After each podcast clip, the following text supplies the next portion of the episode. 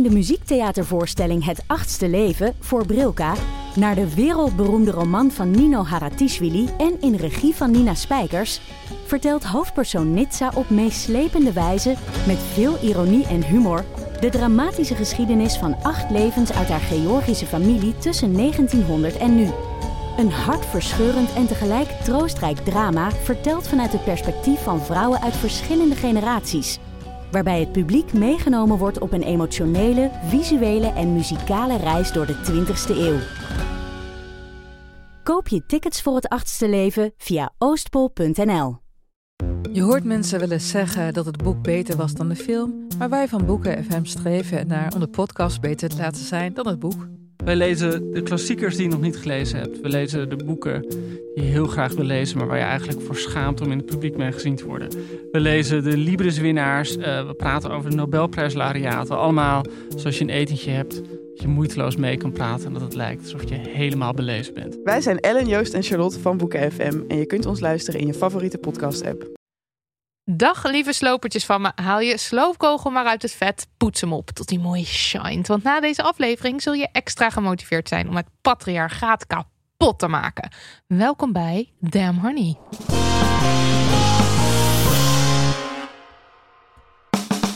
De podcast over shit waar je als vrouw van deze tijd mee moet dealen. Mijn naam is Marilotte. En ik ben Nidia. En dit is aflevering 96b het deel van deze aflevering waarin we bespreken wat er afgelopen, afgelopen week helemaal toppie ging op feministisch vlak, de Damn En wat er voorbij kwam waar we boos, verdrietig, sad, noem het maar op van werden, dat is de Damn No.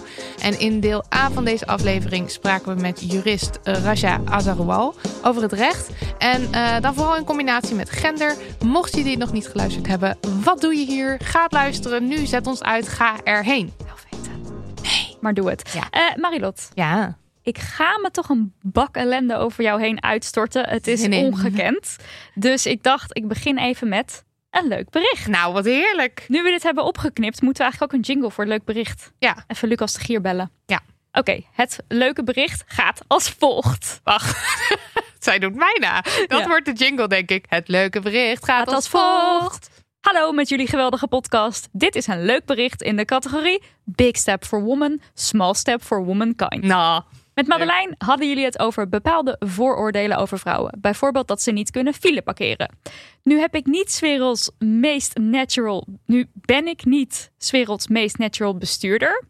Nee, nu, heb, ik... niet werelds meest natural bestuurder. Ondanks een camperbus gekocht. Dit krijg je als mensen goed kunnen schrijven. Dan kan ik het alleen maar slechter voorlezen. Ja. Excuses. Je moet gewoon die komma's goed gebruiken. Stiltes laten vallen. Tel me meer. Hoe moet ik dat doen? Daar, oké, deze persoon heeft een camperbus gekocht. Daar moest ik mee naar de garage. So far, so good. Maar ik moest er ook weer mee uit de garage achteruit. Oh my god. Langs allerlei potentieel beschadigende of beschadigde object, objecten. En langs allerlei schots en scheef geparkeerde bussen. En zonder achteruitkijkspiegel. Hel. Mannelijke monteur 1. Zal ik het even voor je doen? Maar ik weigerde. Halverwege het voorzichtig en vrij angstig naar achter slalommen bood mannelijk monteur 2 hetzelfde aan. Hoe graag ik ook ja wilde zeggen, ik weigerde opnieuw. Het is potdomme mijn bus. Uiteindelijk ben ik zonder iets te raken de garage uitgekomen. Ik ben erg trots op mezelf en hoop dat ik iets heb kunnen bijdragen aan een beter beeld van deze mannen over de rijskills van de vrouw. Groet, Loes. NPS, ja, ik zweet hem een ongeluk en die mannen waarschijnlijk ook. Oh my god, Loes, wat geweldig. Go, ik Loes. Enorm veel bewondering voor je.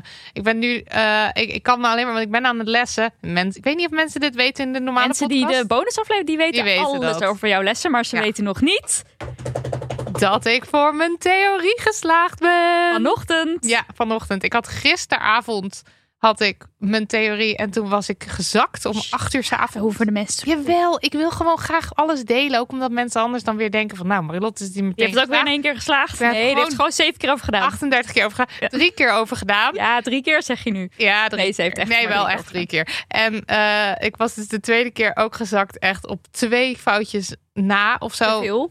Ja, twee foutjes te veel. Echt super vervelend. En toen dacht ik, ik ga kijken of er morgenochtend nog zo'n tijdslot is. En die was er. Dus ik ging erheen en ik rat het eruit. En ik had echt maar in totaal drie fouten. Volgens mij mag je er echt Echt knap. 15. Dus uh, het ik was echt heel erg Ja, ik weet het niet. Maar ik was ook, mijn hart zakte in mijn maag toen ik zag dat ik geslaagd was. Als in, het was iets positiefs. Maar ik voelde zoveel op, opluchting. Het was vreselijk. Anyway, eh, dat wat Loes doet hier in deze brief. eh, namelijk achteruit rijden met Zonder allerlei achteruitkijkspiegel in een garage. Ja, nou dat doe ik eh, je nog niet na, Loes. Dus ehm, erg fantastisch. Ik hoop dat eh, misschien volgend jaar om deze tijd eh, te kunnen. Als je het kan, dan moet je Loes even mailen. Ja.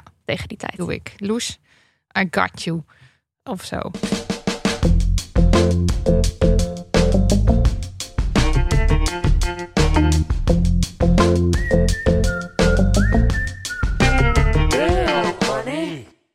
Laten we ons eh, in die afgrond storten, waar eh, er net al even kort naar verwezen werd. Nidia, wat is je damn honey no van deze week? Nou, Yay! Er zijn weken dat je denkt.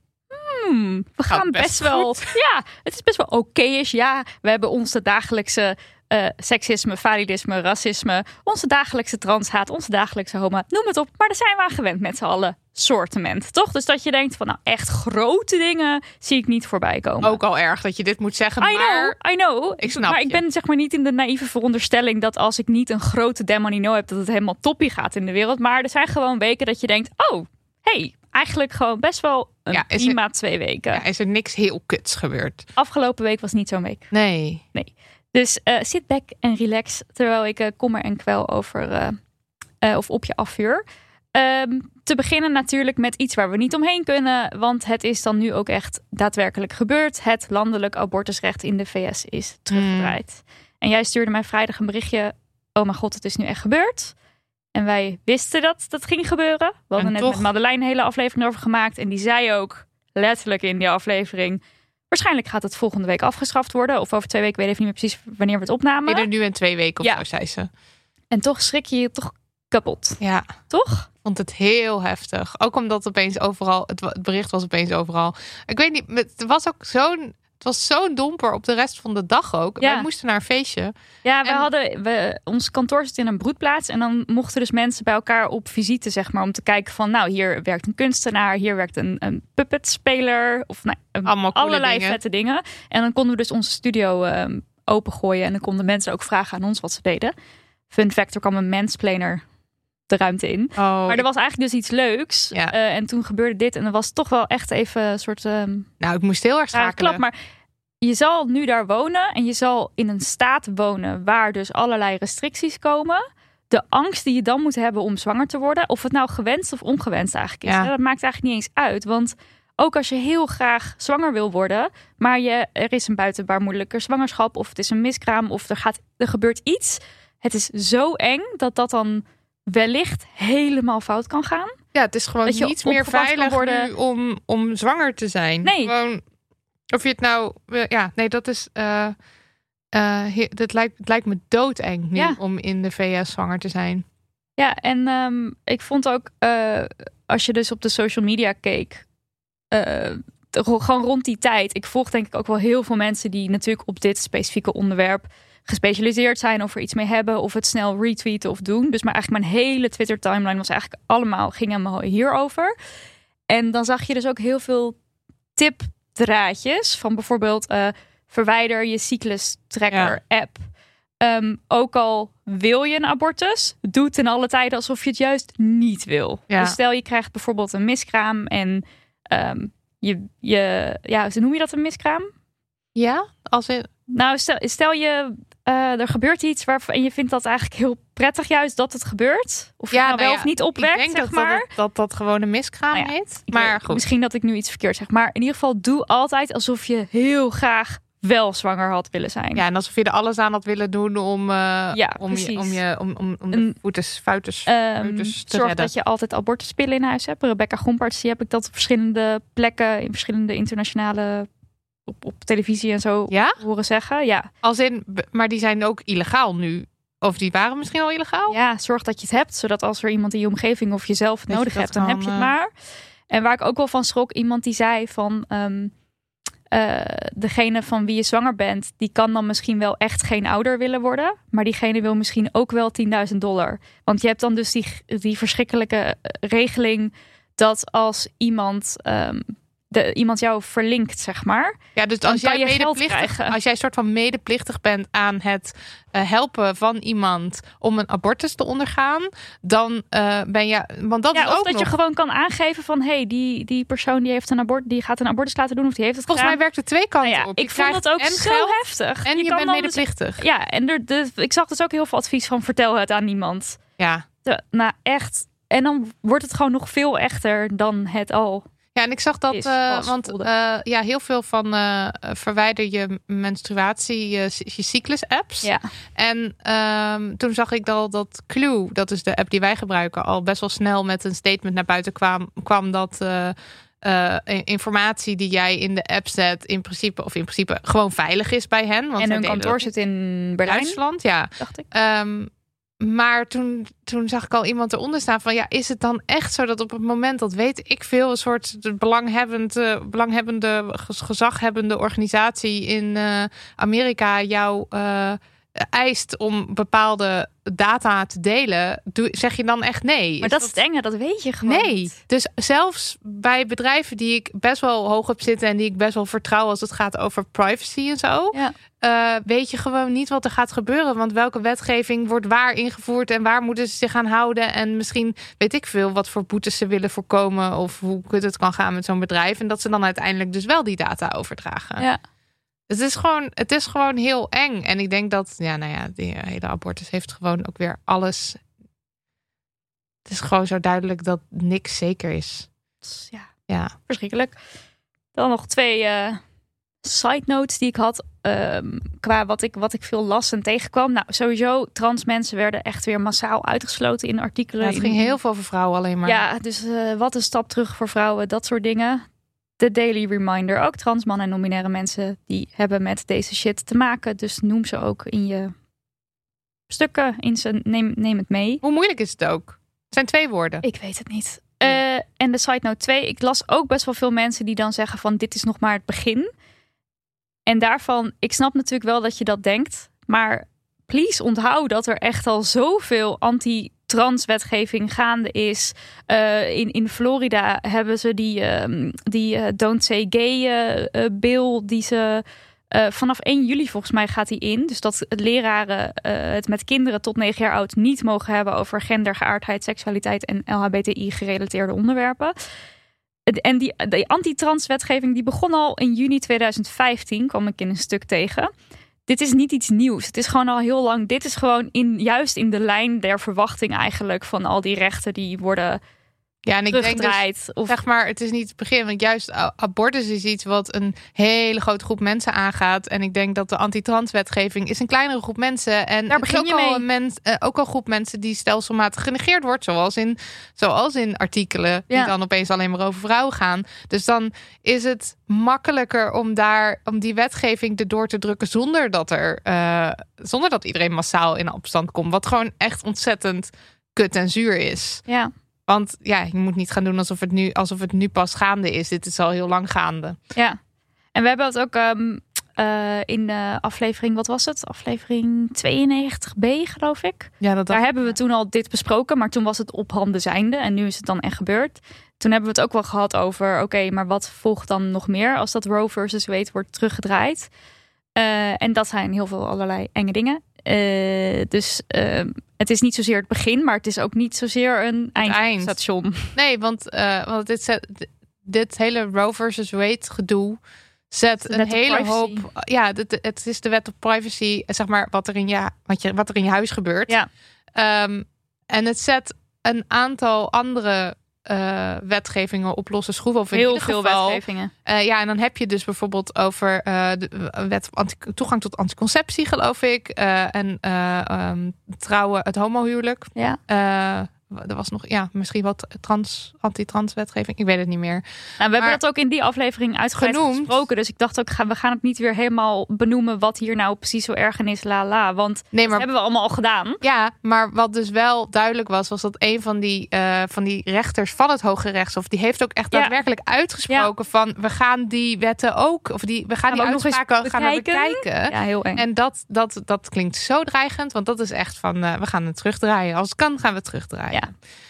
Ehm, wel heel eventjes eh, eh, een kleine damn yes uh, toevoeging op de, op de abortus is dus... Een kleine damn honey yes? Nou ja, het is een grote damn Een honey enorme damn honey yes. Maar eh, ik heb me voornamelijk... Nou, anyway. eh, de damn honey yes, de grote damn honey yes voor abortus hier in Nederland... is dat nu daadwerkelijk eh, zowel de Eerste Kamer als de Tweede Kamer... eh, hebben toegestemd eh, dat de vijf dagen bedenktijd, verplichte bedenktijd, is afgeschaft. Wat fantastisch is. Maar ik bedoel, ik heb het gevoel dat we daar al heel lang blij over zijn. Want de eerste stemming in de Tweede Kamer waren in We zijn er al zo lang blij over, nu, blij over nu het dan ook echt daadwerkelijk gebeurd is. Zijn we Ben- er ben ik niet eens meer meer op blij. om te zijn. Ik heb gewoon het gevoel dat dat al heel vaak genoemd is.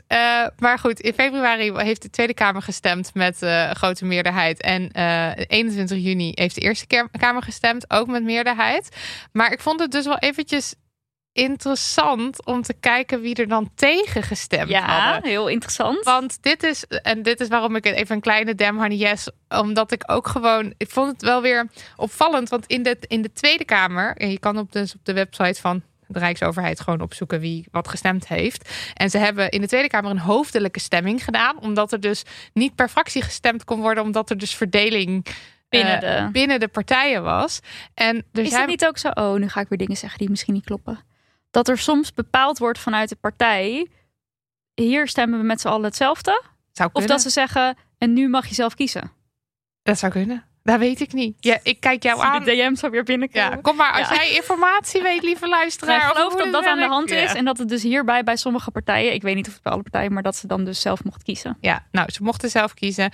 En eh, in ieder geval we hebben de bonnetjes. we hebben de bonnetjes. eh, want in de Tweede Kamer hebben tegengestemd eh, de BBB. De boerenburgerbeweging Ja. van Caroline van der Plas. Ja, de SGP, de ChristenUnie. Maar ja, dat zijn dan een beetje de mensen van wie je het verwacht. Eh, de FVD, lid Omtzigt. Ja, Eh, ja Pieter. Pieter Omtzigt. hebben je wel in de gaten. Ik bedoel, met je toeslagen ver, ja, maar, de, Maar ondertussen kom maar. Eh, het CDA helemaal tegen, allemaal tegen. allemaal tegen in de Tweede Kamer. Hè? Mhm. PVV, zeven stemmen tegen en tien stemmen voor. Dus dat is een Semi behoorlijke verdeling. Eh, de VVD, twee stemmen tegen. Wie? Namen en rugnummers. Ja, Koerhuis. Ja, bouwen, bouwen, bouwen. Ja, en die andere, Cherry, nog iets. Een Cherry. Een Cherry.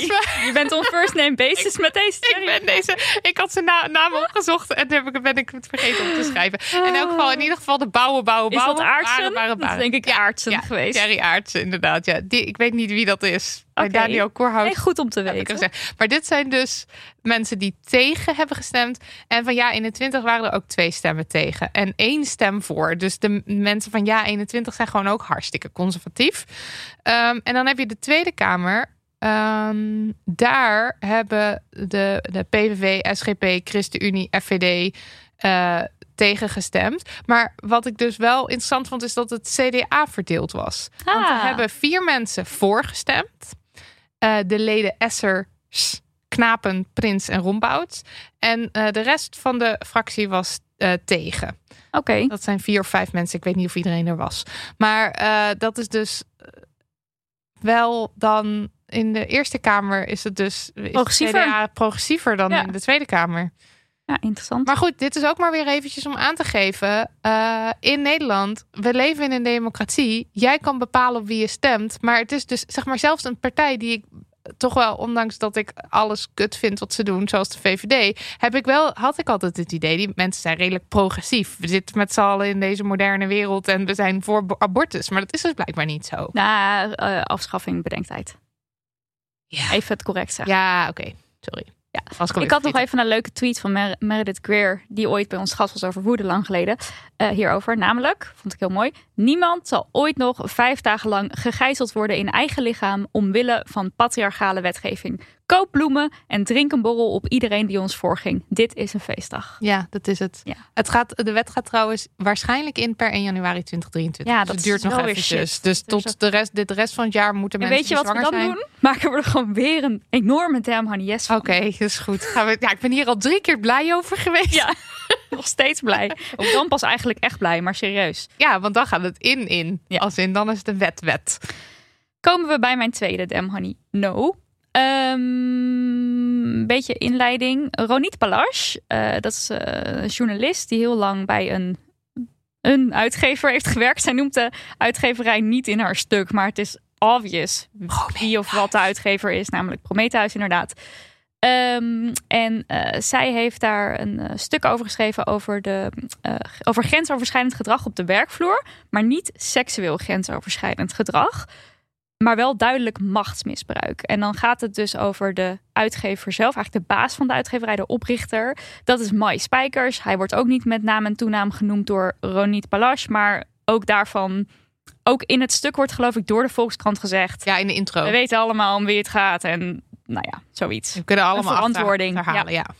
En uh, deze uh, man, um, die intimideert, vernedert, kleineert, schreeuwt, scheldt. Hij stelt bizarre eisen aan zijn personeel, zoals altijd bereikbaar zijn, ook in de avonden, ook in de weekenden, ook op je vakantie. Uh, hij gooit soms met stapels papier. Hij negeert mensen als ze iets gedaan hebben wat hem niet aanstaat. Hij beledigt ze, snauwt ze af. Hij roept: Waarom werk jij hier als je iets doet wat niet oké is in zijn ogen? Um, en hij ontslaat mensen uh, eigenlijk op staande voet. Op het moment dat er iets gebeurt wat hem niet aanstaat. Super onveilig. Ja, en um, uh, hij doet eigenlijk alsof zijn werknemers eigendom van hem zijn en geen eigen levens hebben. Uh, ook zoiets, dan staat er voorbeeld in dat hij, als hij dan een werknemer wilde spreken en diegene was aan de telefoon, dan schreeuwde die zo dwars door de ruimte: ophangen! En dan was het maar de bedoeling dat je zo ja en amen en ik luister meteen naar wat je zegt, want jij bent de grote baas. Bizar. Dat ja. hele stuk is één grote dat je denkt, wat de fuck. Ja, ja. en ze, ze, schrijft dus ook, Roniet, van ooit durfde een goed gebekte receptioniste hem na afloop van een personeelsfeestje in niet mis te verstaande woorden aan te spreken op zijn gedrag. De ochtend erna was haar bureau leeg. Ja. En ze schrijft ook dat er dus een enorme wisseling is van personeel. Want ja, mensen die uh, raken overspannen, die, die trekken het gewoon totaal niet. Sommigen uh, krijgen er ook echt klachten als in stressklachten, ja, slecht ja, ja, slapen. Trau traumatische, traumatische ervaring. Um, dus uh, nou, het is gewoon allemaal verschrikkelijk. En wat ik een mooie zin vond, die zij ook schrijft. Hij heeft een paar mensen groot gemaakt, maar vooral een heleboel mensen klein. Het is ja. gewoon een giftige werkcultuur. Verschrikkelijke man. En het interessante aan het stuk is dat ze ook haar eigen rol binnen het in stand houden van die cultuur kritisch dus onderzoekt. Want zij heeft daar negen jaar geloof ik gewerkt. Ja. En ze zegt ook van ja, ik begon zelf ook die dingen te doen. Ze wordt een beetje als een soort van lievelingetje van hem. Ja, ik krijg het idee uit het stuk dat, dat ze een beetje de echte rechterhand is. Of in ieder Ja. geval een, een belangrijk persoon Ja, in die... Maar in ook die- zij krijgt te maken met al dat, al dat gesnauw en, ge, en genegeer en weet ik wat allemaal. Dat wordt ook allemaal op haar Ja, toegepast, zeg maar. maar zij heeft natuurlijk ook een soort leidinggevende functie daar. Ja. En zij eh, past, past dezelfde tactieken toe als hij. Ja, ja. En ehm, eh, ze is dan dus ook dat ze dan bijvoorbeeld tegen haar, als er dan iemand uit haar team zegt van, eh, nou jeetje, ik wil misschien niet gebeld worden in het weekend of zo, dat zij dan ook, hoe zij dan schrijft, triomfantelijk zegt dat het erbij hoorde. Zo gaat het hier nou eenmaal. Hij is wel de beste uitgever van Nederland, een uniek talent. Want daar wordt de hele tijd door iedereen op gewezen van. Oh, My Spijkers, dat is echt zo'n een genie. En wat is hij toch eh, goed. En hij weet mensen tot sterren te maken. En ze En- hebben toch ook. eh, Ik, ik, ik zag ook weer het woord markant. Zoals ik dat Oh ja. dan altijd wel Ja. eigenlijk Ja, zie als het dit over dit soort mannen gaat. Eh, als mensen succesvol zijn, maar eigenlijk ook volledige lullen, dan wordt er opeens, markant. ja, dan zijn ze markant en dan kom je dus blijkbaar met van alles weg. En dan ben je een genie. Het, het is, dat is altijd. Het is een genie. Ach, zo, dat hoort erbij. Precies, Het ja. zijn dan mensen die zijn zo, maar ze zijn ook geniaal. En dit is dan wat je Ja. krijgt. En niemand zegt er dus wat van. Niemand trekt zijn bek open. Er zitten ook allemaal prominente auteurs bij Prometheus. En dit is dus een soort, eh, hoe zeg je dat, publiek geheim? Kijk, Ja. ik weet dat niet. Ik zit niet in die wereld. Maar als je in deze wereld werkt, dan weet je donders goed dat dit een hele nare vent is en dat dit aan de hand is. Ja, want eh, ze schrijft toch ook van eh, toen ik solliciteerde wist ik al dat ik kut Ja, was. Maar dan doe je het toch. En ik denk dat veel mensen die zullen het wel doen. Ook omdat ze je bent er volgens mij wel van verzekerd dat je lekker doorstoomt als je dan als je, als je het daar overleeft of zo. Dat, eh, ja, dat is ik. een beetje de theorie die mensen hebben die daar gaan werken. Maar bijvoorbeeld ook auteurs. Hij neemt dus ook mensen mee uit eten. En hij schijnt dan ook bekend te staan als de meest verschrikkelijke gast die je in je eh, restaurant kan hebben. Dat heeft geloof ik een, eh, oh ja, een ja, ja, ja. hoe, hoe heet het? Een cultureel eh een Een horeca. Oh ja, ja, ja. Ik weet. Ja, een re- recensent. Een, eh, Hmm, recensent? een culinair recensent. Culinair, Ja. cultureel wou ik zeggen. Culinair recensent heeft dat geloof ik een keer over hem gezegd. Omdat hij dus ook obers compleet af kan blaffen als het eten of als de wijn hem niet aanstaat. Dus ook als auteur weet je heus wel wat er gaande is. Maar toch zit je daar ehm, met je boek. En vind je dat dan dus oké? of draag je daar een soort van aan bij? En Ronit Palas die onderzoekt dus ook van... Ja, eh, eh, eh, ja hoe, hoe kan het nou dat ik daar zo lang gewerkt heb? En daar heeft ze ook wel een soort verklaringen voor. Van ja, er is gewoon een machtsverhouding. Want als ik weg zou gaan, ja, wat dan? Ik heb verantwoordelijkheden, ik heb een Mhm. hypotheek, ehm, ik heb een huis. En eigenlijk, waar we het ook met Rasha in het eerste deel van deze aflevering over hadden. eh, we hadden het ook even over werkcultuur en eh, die zorgplicht. Ja, Eh, precies. en dat er dus inderdaad, ja, probeer maar eens je werkgever aan te spreken op iets. En Rasha zei ook van, ja, kijken of er nog een baas boven baas is. Nou ja, in dit geval is die er niet.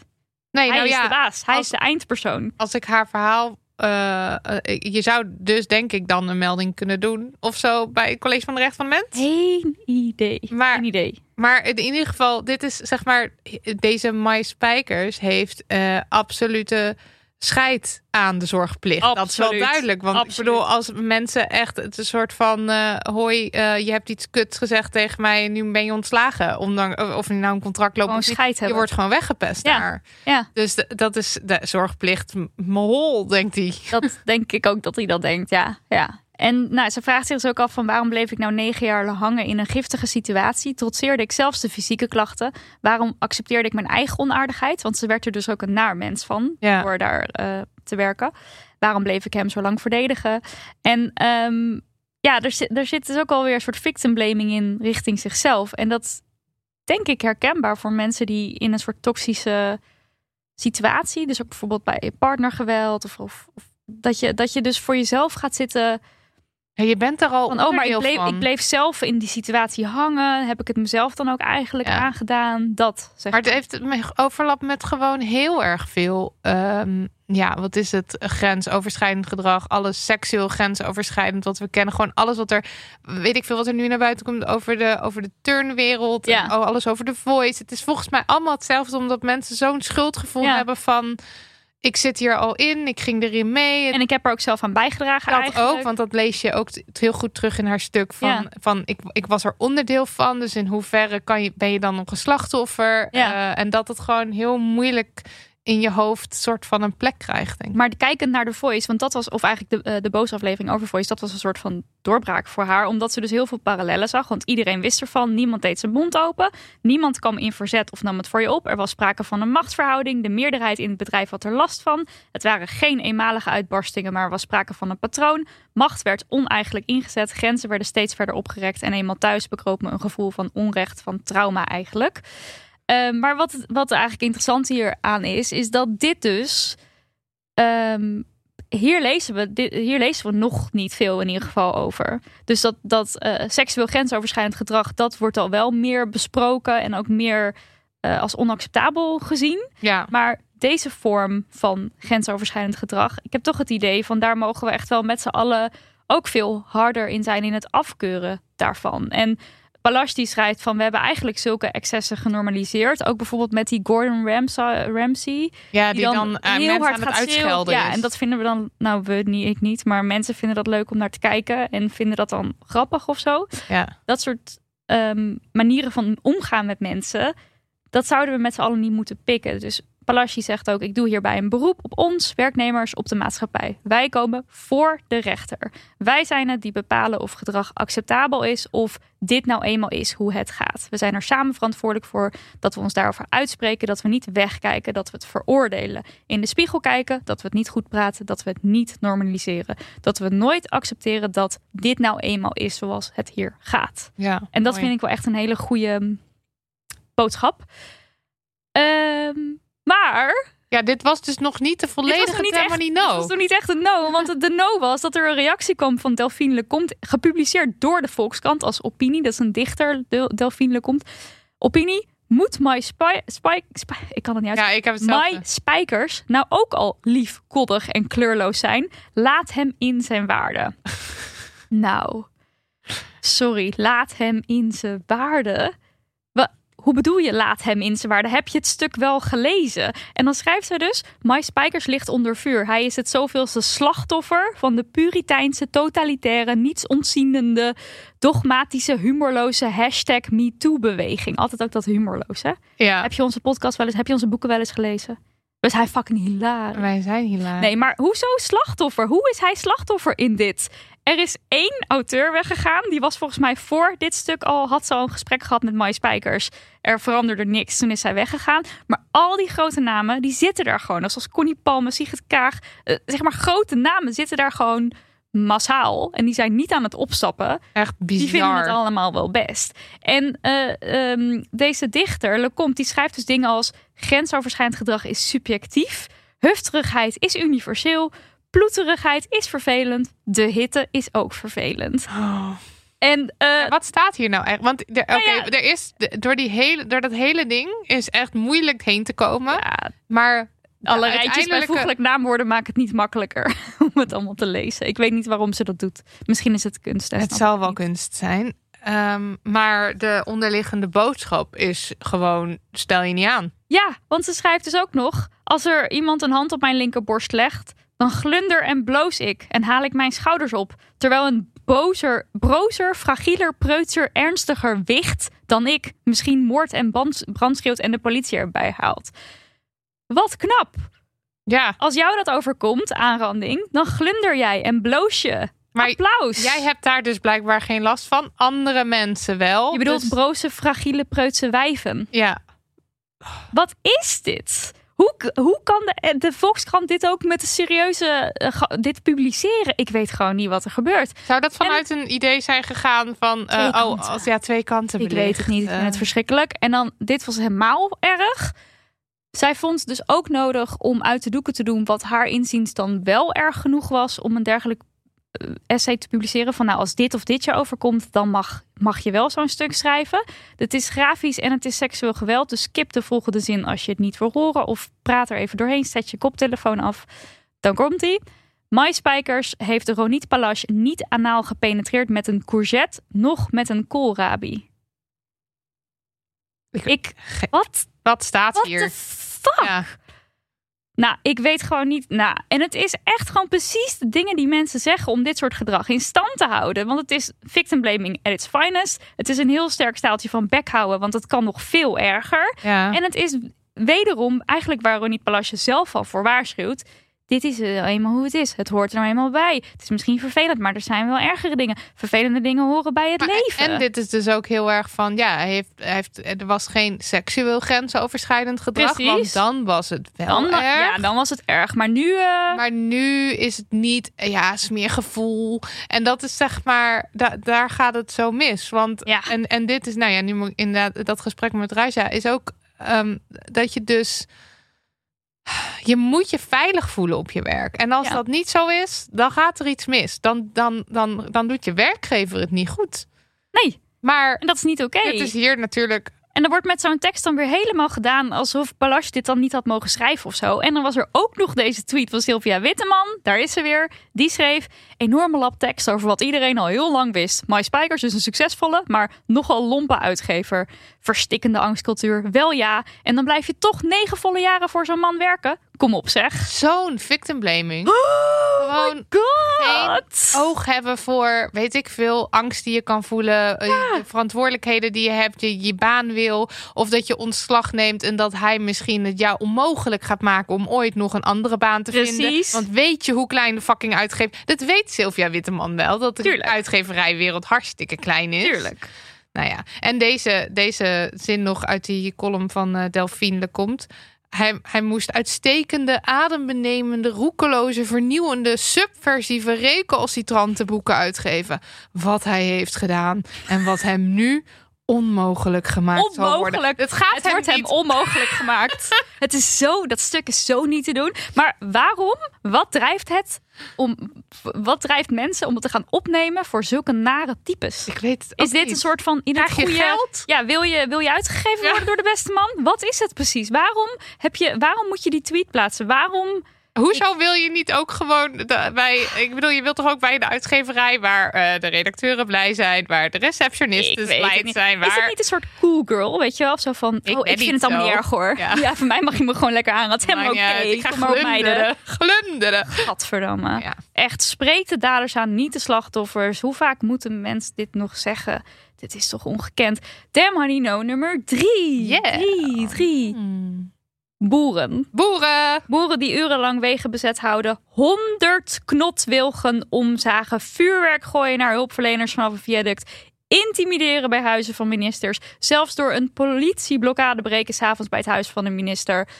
Wat de fuck gebeurt er?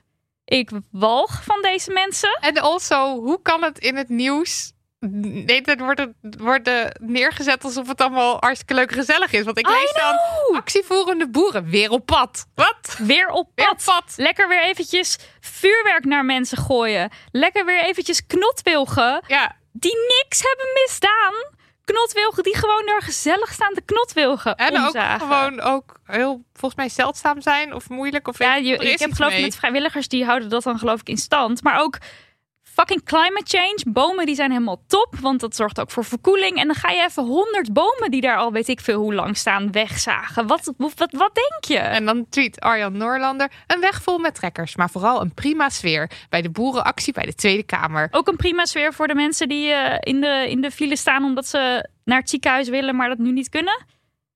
Ik, ik, ik vind het echt mindblowing. Nou, echt, maar kijk, ik, ik walg van de acties. Ik snap protesten. Ik ben all voor protest. Maar ik denk dat er bepaalde grenzen zijn. Een grens is bijvoorbeeld niet door een politieblokkade breken... s'nachts bij het huis of s'avonds bij het huis van de minister. Lijkt mij. Gewoon een grens? Niet mensen gaan Maar intimideren. ik walg ook echt van de manier waarop eh, het, de politie het toestaat. Waarop Rutte tot voor kort weer niks van zich liet horen. en, Het dat, is zo en, dat er de schuld weer wordt gegeven aan een kleine groep. Nee, precies. Maar dat wou ik ook zeggen. Ik bedoel, het is zo obvious hoe de witte boer dus beschermd wordt. Als een soort van mascotte van Nederland of zo. Nou, witte boeren, maar dat zijn... Of, of nou, niet. Zij zien natuurlijk, dat, dat zien zij dan zogenaamd niet. Maar gewoon gezellig, die boeren. Die ja, die zorgen, die, die werken op het land het en die zorgen voor het eten. Rutte die ziet dan die beelden van de boeren bij het huis van minister Van der Wal. En dan zegt hij, dit is een kleine groep boeren. En het gaat echt alle grenzen te buiten. Meteen nuanceren. Meteen zeggen het is een kleine groep boeren. Die kleine groep boeren, die terroriseert heel fucking Nederland. En er gebeurt gewoon niks. Ook hier, aanvraag voor een extra spoeddebat over boerenterror... wordt niet gesteund door de SP. Marijnissen die keurt geweld af, maar heeft begrip voor wanhoop en woede. Nou. Sorry, je kan prima begrip hebben voor wanhoop en woede... en ook echt inzien dat dit echt niet kan, zoals wat hier nu gebeurt. Ik denk, zeg maar, bij alle protesten waar ik ben geweest, als je het bijvoorbeeld hebt over eh, Black Lives Matter, vrouwendinges, vrouwenmars, sorry, vrouwendinges, eh, Vrouwendinges. de International Doe Women's die Day Mars, ja, met die vrouwtjes. Al- die, al die demonstraties, als daar dit geweld was gebruikt of deze intimidatie en zo, dan, sorry, maar dan was de wereld echt te klein geweest. Echt hoor. Ik had ook gelezen dat er boeren die waren naar een of ander politiebureau gere- gereden om eh, Pieter Jan en nou nog twee super Ja, uit de white namen te uit gevangenis te halen. Nou, je moet het eens proberen als je nou Mohammed heet of noem het maar op, want het is echt nou echt de die maat waar ongelijke maat dat is nou ik En dat ook gewoon ontkennen Ik- of niet willen inzien. en ook wel veel mensen die zeggen nou ik snap het niet. Ik snap niet waarom er nu eh, zo weinig gedaan wordt. Nou, ik snap het wel. het heet racisme. Ja, precies. Ehm, En ik vind het, ik vind het ook gewoon, ik kan niet, niet goed sympathiseren met deze groep ook, omdat ik weet niet, eh een, een vijfde van, van de boeren is miljonair. een vijfde, ja, kan wel. Ik weet niet meer wat het precies is, maar Ongeveer heel 18 veel. procent of Vergeleken zo. met andere sectoren is het bizar Wacht, hoog. ik had het opgezocht. Vergeleken met, ja precies, want eh, van, eh, ik moet even scrollen hoor, maar ehm, even kijken, oh, hier 18 procent van de boeren is miljonair. Dit was een tweet Acht? van eh, 18. Wat zeg je? 18 procent Ja, van de ja. boeren is miljonair. Dit is eh, een tweet uit 2018 van CBS-onderzoeker van Mulligen. En ter vergelijking van alle werkenden is 1,5 procent miljonair. Dus Ja. van de boeren 18 procent. Dat is echt significant meer. En eh, het gemiddelde besteedbaar inkomen van een boer komt, komt op 42.000 euro, terwijl de gemiddelde werkende het moet doen met 34.000 euro. Ja. Nou, dit is een paar jaar geleden. Weet je wat ook een fun fact is? Nou, Er wordt 32 miljard aan belastinggeld eh, ingestoken in deze sector. Subsidie-wise. Dus er wordt zeg maar aan boeren gevraagd: luister, er is eh, een probleem met het milieu. Laten we Er wel probleem wezen, met stikstof. Ja? dit probleem Ja. is al jaren bekend. Ja, als is in- al ja, decennia. Tientallen jaren bekend. En het is niet dat de boeren dat niet weten. Het is dat er heel veel mensen, en dat zijn niet alleen de boeren, ook de overheid, zoiets hadden van ja, uit. het, eh, lekker groeien, lekker kapitalisme, lekker geld. Als je hier trouwens een goed tweetje over wil lezen. Tweetje? Een goede tweet, draadje wilde ik zeggen, sorry. Ja. Een goede, goed draadje over wil lezen op Twitter. Genuanceerd en wel. Genuanceerd en wel. Als wij dat dan niet doen. Ja, precies, want wij zijn gewoon kwaad. Ja. Eh, maar Botte Jellema, die kan daar eh, uitstekend iets over vertellen. Hij komt zelf ook uit een eh, boerenfamilie en heeft Ja. er uitstekende kijk op. Uit Ga eventjes, we linken wel eventjes, want lees dat en dan denk je echt, what the fuck. En Botte Jellema is uiteraard onze zeer gewaardeerde Collega. podcast-collega van de Eeuw van de Amateur. Ja, love you, Botte. Toch wel een van mijn luistert, allerlievelingspodcasts. Toch even zeggen. toch even zeggen. Ehm, Ja, en nu? Ik heb er nog eentje. Oh ja. ja? Eh, Fatima Aboulouafa. Haar naam zou God. je eerder gehoord kunnen hebben in deze podcast. Ja. Want zij is de voormalige politiechef en klokkenluider die racisme en discriminatie bij de Haagse en Rotterdamse politie aan de kaak stelde. Zij is eh, ontslagen. Nou, er is toen een eh, rechtszaak geweest. En de, uitslag, de uitslag, hoe zeg je dat? Het is bekend wat daar dan de uitspraak, Uitspraak. op is. Ze is terecht ontslagen, want er was sprake van onherstelbaar verstoorde arbeidsverhouding. En eh, Marcel Hane die heeft daar een stuk over geschreven. en Die zegt slecht nieuws voor klokkenluiders binnen de politie. Onderwerpen met een mogelijk grote maatschappelijke impact mogen alleen publiekelijk aan de orde worden gesteld na overleg met leiding. Al dus rechtbank Den Haag. Dit is zo weird, want, want dan de, de oh, leiding gaat natuurlijk nee zeggen over. Het is. eh, En eh, ook hier hebben we het uitgebreid over We hebben net die hele- discriminatie bij de politie. we hebben net die docu besproken over de blauwe familie. Ja. En alles. Het is echt een giftige cultuur. Ja. En dan wordt je het hier nog moeilijker gemaakt. Want wat, wat had, ze, wat had Abu Luwafa nou gedaan? Ze had op Instagram in 2019 eh, een, een post gemaakt... waarmee ze geloof ik had geklaagd over misstanden bij de politie. En ze had in de NRC geklaagd over een groep rotte appels... van zo'n 15 agenten van een specifiek eh, politiebureau... die eh, buitensporig veel geweld gebruikt tegen burgers. En de agenten noemden zich in een appgroep volgens haar Marokkanenverdelgers. Ja. En dan noem, je, dan noem je deze agenten rotte appels. En dat is blijkbaar... Dat mag je dan dus blijkbaar niet zeggen. Nee, na overleg met de leiding. Oh my god. Ja, echt bizar. En dan de klap, de laatste klapper. Johan Derksen krijgt een dagelijks avondprogramma bij Radio Veronica. Dat waren al mijn Damn Honey Knows. Ik was echt... Ik ben boos. Ja. En het is goed dat we op vakantie gaan. En ik enigszins een klein beetje wellicht hopelijk afstand kan nemen van al deze dingen. Want Ja, want eh, jij, was bezig met je Damn Honey Nose. En toen ik had er al me meerdere en dan kwam dit weer. dingen. En Ja. dan kwam dat weer. En toen heb je Twitter afgesloten en dat leek me Toen dacht Alleen ik, nu ga maar ik ook niet meer verder induiken. het Want enige wat je kon houd op. doen. Ja. De wereld is gewoon extra, extra kut de afgelopen weken geweest. Sponsortijd. Er is een nieuwe vleesvervanger in Nederland, namelijk Meatless Farm. Meatless. Dat klinkt top, want we zijn helemaal klaar met alle narigheid rondom vlees en klimaatverandering. Meatless Farm heeft een breed assortiment aan allerhande producten, van burgers tot worstjes en van gehakt tot nuggets. Tell the lady I want the nuggets. Ik hoor al dat jij helemaal aanslaat op de nuggets, maar ik snap dit niet. Tell the lady I want the nuggets. The lady doesn't get the joke. Oké, wij zitten echt heel duidelijk in andere Instagram reel Ja, dat is, denk ik, algoritmes, denk ik. zo, Want ik ja. hoop dat andere mensen dit dan wel snappen, want anders is het een beetje een rare grap. Anyway, ik eh, hou van de Meatless Farm Nuggets. Want eh, kijk, jij werd helemaal blij van dat gehakt vorige keer. Ik wil gewoon lekker snacken met een nugget en met Mm. lekker een beetje saus. En eh Meatless Farm, die heeft het dus voor elkaar gekregen om mijn long lost nugget friends weer terug in mijn leven te brengen. In deze overheerlijke vega vorm. En je kan mij gewoon niet blijer maken. Ook niet als ik zeg dat ze ook schnitzels hebben die helemaal de schnitzel zijn. Jij dacht, ik maak ook nog even grap. Ja, van een Ehm, ja, je kan me dus nog wel blijer maken, want ik hou ook van een schnitzel. ja nou, Met een beetje curry of zo. dan top ik altijd. Ik hou gewoon van dit soort dingen. Dan top ik. Nee. beetje mayo, beetje curry, beetje pindasaus. I love it I all. love it. Ik ga al dit, alles wat we loffen, nog even aftoppen met een, een heerlijke aanbieding en korting. Eh, ga naar crisp.nl slash code slash damnhoney op je telefoon en ontvang bij Crisp, de online supermarkt app voor knettervers eten, nu gratis het gehakt van Meatless Farm. En als nieuwe klant van Crisp ontvang je ook nog eens 15 euro shop te goed cadeau. Het is geweldig. Ja, I know. Nou, je vindt de link ook in de show notes op als je dit allemaal weer vergeten bent. Hey lady! ik zet het filmpje ook wel even in de show notes. Komen we toch eindelijk bij een een, een, een zonnestraaltje in deze aflevering. Nou, net had je al een flinke straal met de, de afschaffing van Ja, de klein verplichte straatje. klein heel klein ja. in jouw beleving. Ja. Ehm, ja, vertel. De, Ja. dem- de, de, de grote dermanies. Ik heb echt moeten zoeken. Ik, ik heb, want ik las ook alleen maar die shit dingen. En Ja, toen dacht ik, nou, Nidia heeft in ieder geval werk. maar ik ook, want ik moest dus heel erg zoeken. Ehm, maar ik heb iets positiefs gevonden. Jou was het ook niet leuk. Nee, het was niet Dat leuk. ik, ja. Nee, ik zag nergens meer de yes van in.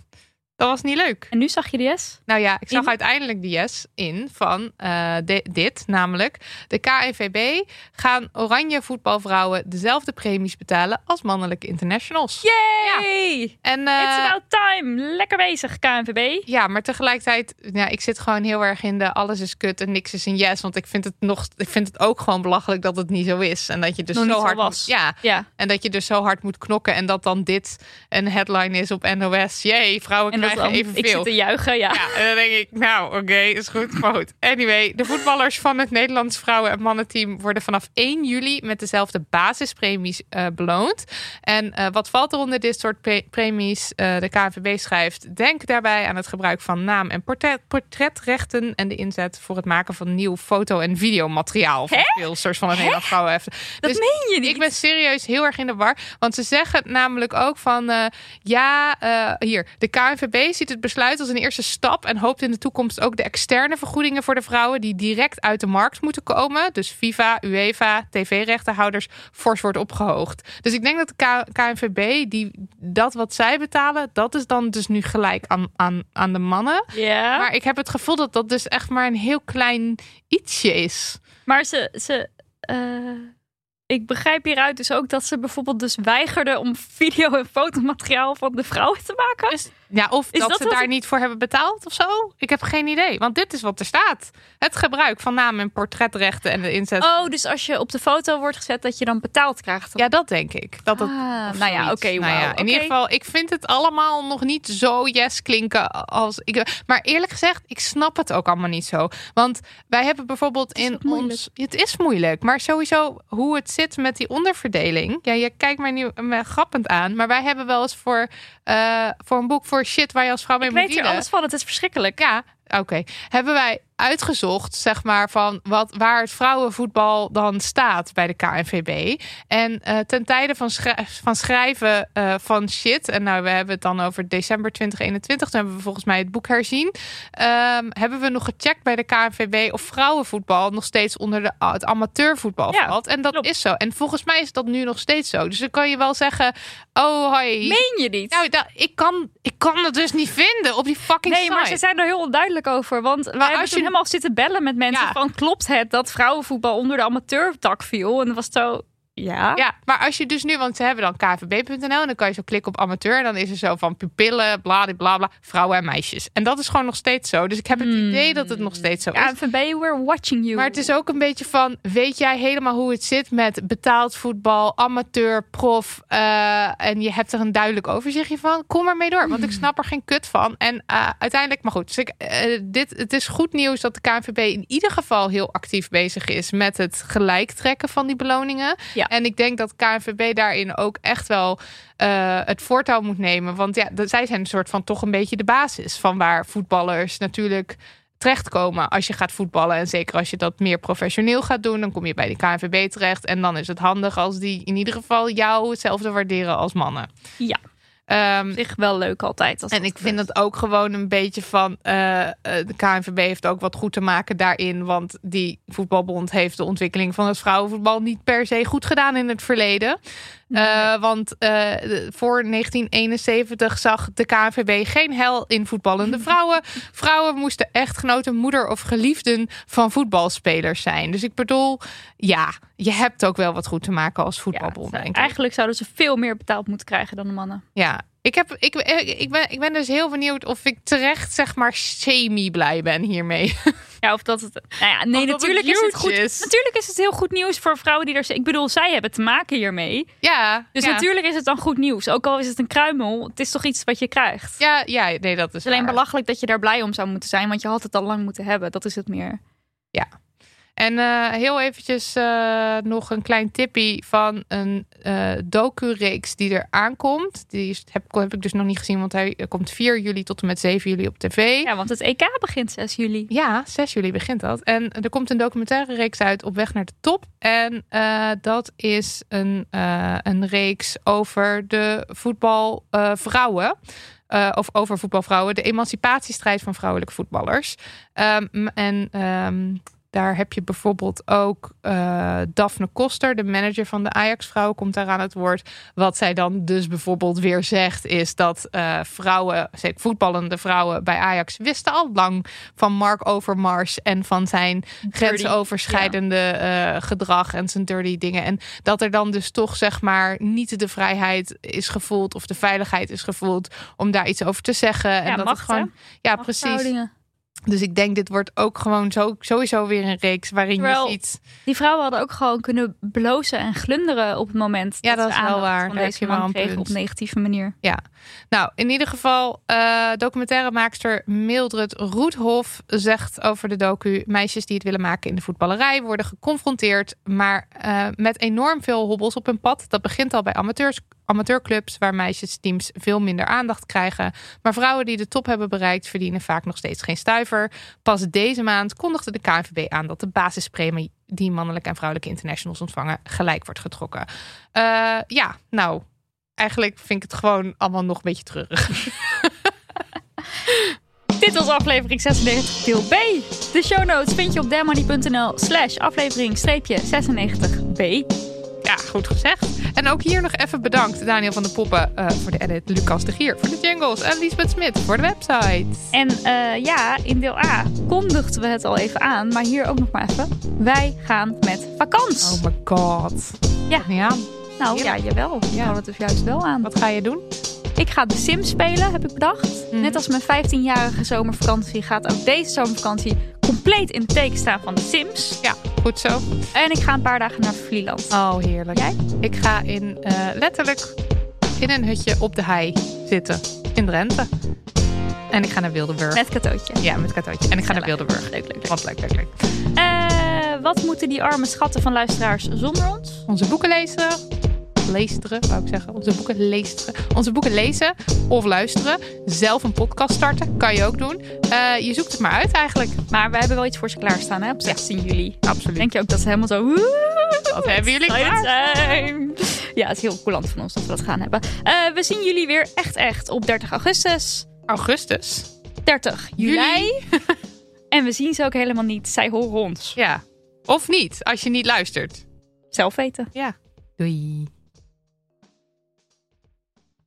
Nog even over die grootse en epische muziektheatervoorstelling. Het achtste leven voor Brilka is een marathonvoorstelling van 5 uur. Koop je tickets voor deze bijzondere theateravond via oostpol.nl.